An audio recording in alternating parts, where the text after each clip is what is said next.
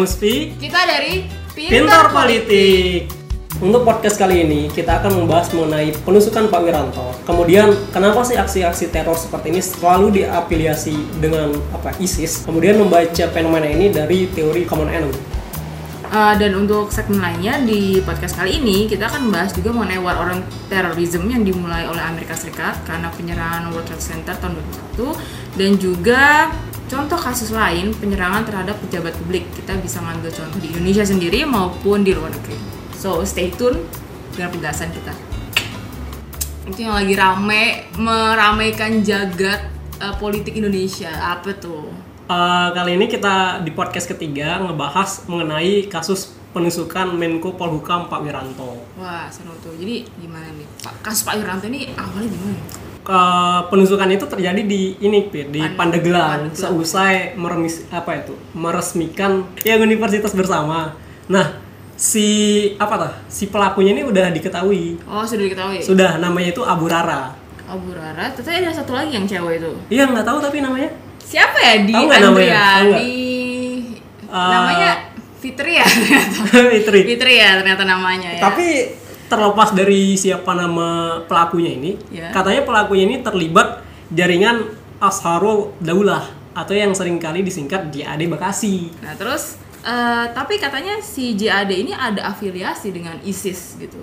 Ini nggak sih? Eh, itu sih dari apa ya penuturan pihak binnya kalau emang ada apa afiliasi semacam itu. Tapi kamu ngelihatnya afiliasi ISIS ini kayak gimana sih, Bin? ISIS ini kan sebenarnya udah lama ya. Eh, Setahu gue ISIS itu udah lama banget. Dan dia memang eh, jaringan utama di Timur Tengah, gitu. Iya, di- Syria, Hmm. gitu, Irak. Nah tapi eh, makin ke sini ISIS itu kan sudah eh, apa ya kekuatan ISIS itu semakin lama semakin melemah dan mereka tuh udah displaced. Ya, Udah- udah- jadi mereka tuh udah nggak bisa bikin kayak dulu kan ada rumah sakit, Hmm. kesehatan, terus jalan dan lain sebagainya. Sekarang udah mereka nggak ada. Dan malah banyak banget eh, jihadis yang Hmm. katanya eh, akan masuk surga dengan 72 bidadari itu. itu tuh malah sekarang banyak yang keluarga negaraan dicabut kayak contohnya Inggris, Belanda. Mereka tuh malah jadi stateless people gitu. Hmm. Nah berarti kan ISIS ini sendiri kan udah nggak kuat lagi. Jadi kalau misalkan dibilang itu ya mereka sudah menurun, cuman masih banyak pecahan-pecahannya di mana-mana. Jadi masih ada orang-orang kayak simpatisan ISIS gitu loh di sini. Tapi yang lebih gue pertanyakan itu kayak gini sih, Pit. Kenapa sih ketika ada suatu kasus teror, Hmm. katakanlah di belahan dunia mana pun, uh, atau lah di, di konteks ini di Indonesia, sering kali disangkut pautkan itu berafiliasi dengan ISIS. Ya mungkin karena gini. Terorisme itu sebenarnya terkenal semenjak yang kasus WTC itu yang di Amerika Oh, Serikat. yang ini ya? uh, war on terrorism akhirnya. Oh, yang itu. Jadi kebijakan politik luar negeri Amerika langsung berubah shifting secara drastis dan itu mempengaruhi seluruh dunia gitu.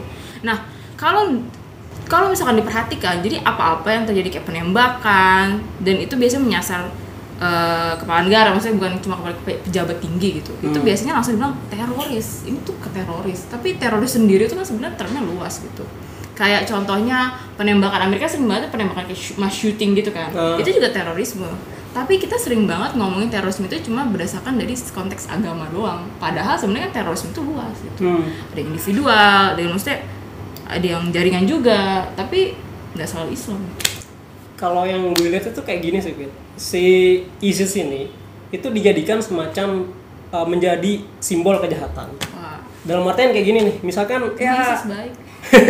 kayak gini deh sederhananya itu ingin dicari semacam apa ya semacam dalam tanda kutip kambing hitam tapi bukan dalam artian apa ya dalam artian kayak gini deh misalkan ada suatu persoalan kejahatan nih Hmm. sering kali langsung ditembak oh ini terafiliasi ISIS terafiliasi ISIS masalahnya itu di sini adalah pada kasus nggak ada narasi tandingan dalam artian ketika dilabeli ISIS nggak akan ada yang membela ISIS Siapa sih yang mau belain ISIS? Siapa yang mau Siapa yang ISIS? mau belain ISIS? Nggak ada. jadinya ini tuh semacam narasi yang pasti memberikan kesimpulan dan orang langsung lega aja memberikan jawaban ada afiliasi ISIS itu semacam memberi kepuasan kepada Ah, masyarakat. Satisfactory, temporary gitu Ah, ya. Oke lah, ini terlibat ISIS terus masyarakat langsung memberikan respon, oh ISIS, oh ya udah gitu. Oh, Co- udah. Coba bayangin kalau misalkan, oh ini kasusnya Abu Rara ini terafiliasi dengan apa ya ormas tertentu misalkan, itu pasti langsung heboh. Lebih rame gitu. rame langsung ada demo besar-besaran Buzzer ada langsung keluar semua. ada buzzer gitu. ada demonstrasi gitu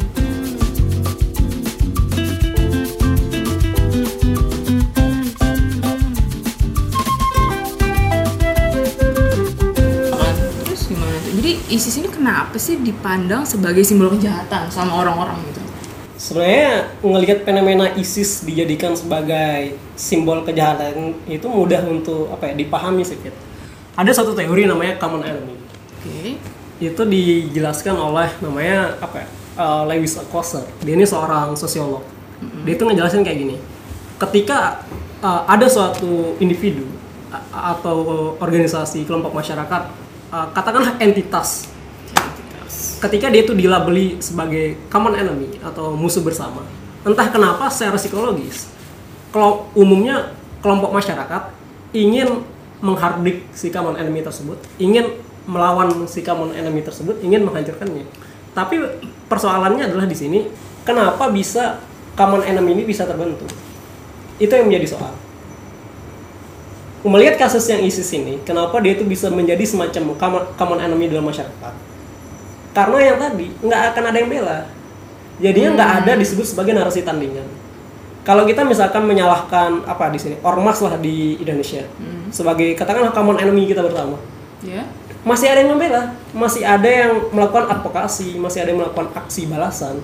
Sehingga nggak akan terbentuk common enemy itu. Nah common enemy itu hanya terbentuk ketika narasi itu dirasa nggak akan memiliki tandingan yang berarti. Ah, jadi kalau Ah. misalkan ada kejadian nih, ISIS common enemy, udah. Selesai. karena entah kenapa secara apa kognitif masyarakat secara kolektif menerima ISIS ini se- sebagai common enemy. Bahkan nggak hanya di Indonesia di luar negeri eh, di belahan dunia mana pun ISIS itu common enemy. Ketika ada suatu aksi disangkut pautkan dengan ISIS umumnya orang nggak banyak protes nggak banyak bertanya. Oke itu aksi kekerasan ISIS ah, apa ya relatif logis ada relasinya gitu. Tapi kalau misalkan mengatakan wah ini konspirasi global itu. Ah. Udah Itu udah jauh, udah siapa nih? Di balik biasanya semua ini nih? langsung ini di apa ya langsung dipertanyakan apa maksudnya gitu. Hmm, gitu sih. dan eh, di luar di luar ISIS sebagai common enemy ini yang menjadi eh, apa ya, pertanyaan gue itu kayak gini sih Fit. Kasus Wiranto ini heboh kan nih? Eh, heboh banget sih. nimpa semua informasi lah. Oh iya. eh, dua hari ini apa gara-gara si kasus ini baru pertama kali terjadi atau gimana sih Sebenarnya kalau misalkan ya dari segi historis kita melihat kasus penyerangan terhadap pejabat negara atau Hmm. pejabat tinggi negara itu ini bukan pertama kali terjadi gitu. loh berarti sering dong atau Dibilang- pernah terjadi Sering itu relatif, Ah. tapi pernah terjadi beberapa kali. misalnya Yang paling nih Pak Soekarno, beliau Soekarno pernah? Wah Soekarno ini ya Gimana, kenyang lah dia. Problem adalah saat Pak Soekarno itu Pak Soekarno ini kan presiden pertama dan saat itu Iya, Indonesia presiden. itu sangat tidak stabil, baru merdeka. Oh, nggak stabil politiknya Nggak ya? stabil politiknya, Wajar lah aman, ya. wajar. gitu. Kayak ini, kayak air baru panas.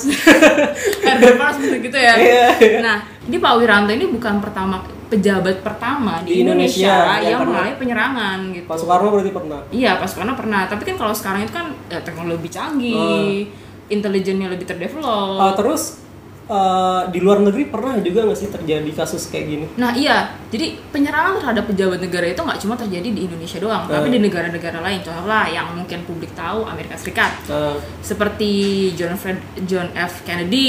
John F Kennedy ini kan penembakan misterius ditembak gitu ya? ditembak waktu Itu- lagi Perry. belum ketemu pelakunya. ya? Nah itu kan, makanya gini loh.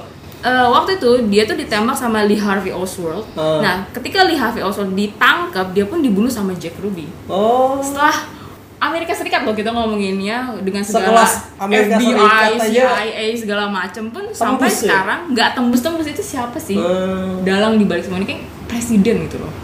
Tapi bahkan sebelum, Sebelum John F Kennedy, Kennedy. itu kan dia presiden ke-35 ya. Ah. Nah, sebelum dia presiden ke-16 Amerika Serikat Abraham Lincoln, Hmm. dia juga meninggal karena ditembak. Tapi gara itu waktu itu mm, kayak slavery lah gitu. Hmm. Jadi utara lawan selatan walaupun sudah menang tapi masih ada kayak lagi perang saudara. Iya perang saudara dan even though udah menang sekalipun dan dia mau masuk uh, anak jaksel ya? ke Even though- even Inggris gitu. even though which is ya Allah gitu. Nah, Jadinya intinya emang ini bukan kasus pertama bukan lah ya. kasus pertama ini.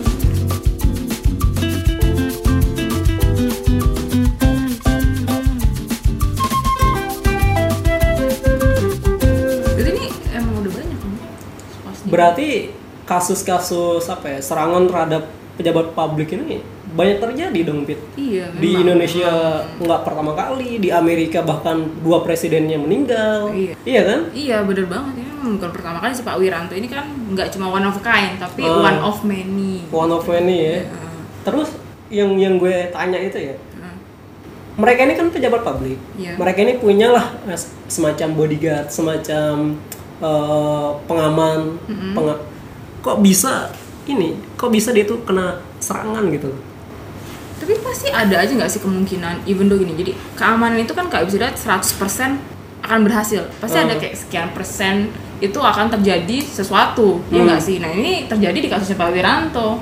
Padahal kan udah diberitakan juga pengamanan itu sebenarnya sudah ketat. Jadi Pak Wiranto itu kan katanya yang Oh, yang itu. yang- Oh ya kalau katanya dari BIN, sebenarnya udah ada info Pak Wiranto ini salah satu pejabat publik yang diincar, Hmm, di apa ya, kena ancaman pembunuhan dan terus. menariknya si JAD ini udah dipantau selama tiga bulan oleh BIN.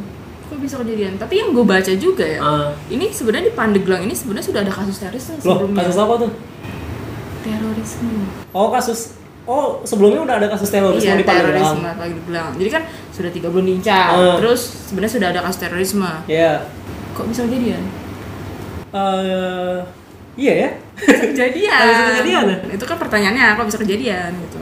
Tapi apa setelah kasusnya Pak Wiranto ini ini menimbulkan ada satu konsekuensi praktis mungkin. Apa tuh? Mungkin bisa jadi, bukan bisa jadi, bahkan besar kemungkinan setelah ini pengamanan para pejabat pejabat publik kita itu akan ditingkatkan baik oleh apa ya ditambah aparatnya atau mungkin menarik apa ya eh, unit-unit yang sangat terlatih seperti Kopassus untuk eh, melatih pejabat dan sebagainya. Tapi kita nggak tahu juga sih. Iya, berarti aparat keamanannya benar-benar diutilize lagi gitu. Oh ya harus Semakin lebih didaya gunakan, Daya gunakan ya. Jadi refleksi bersama lah gitu. refleksi bersama Iya, gitu.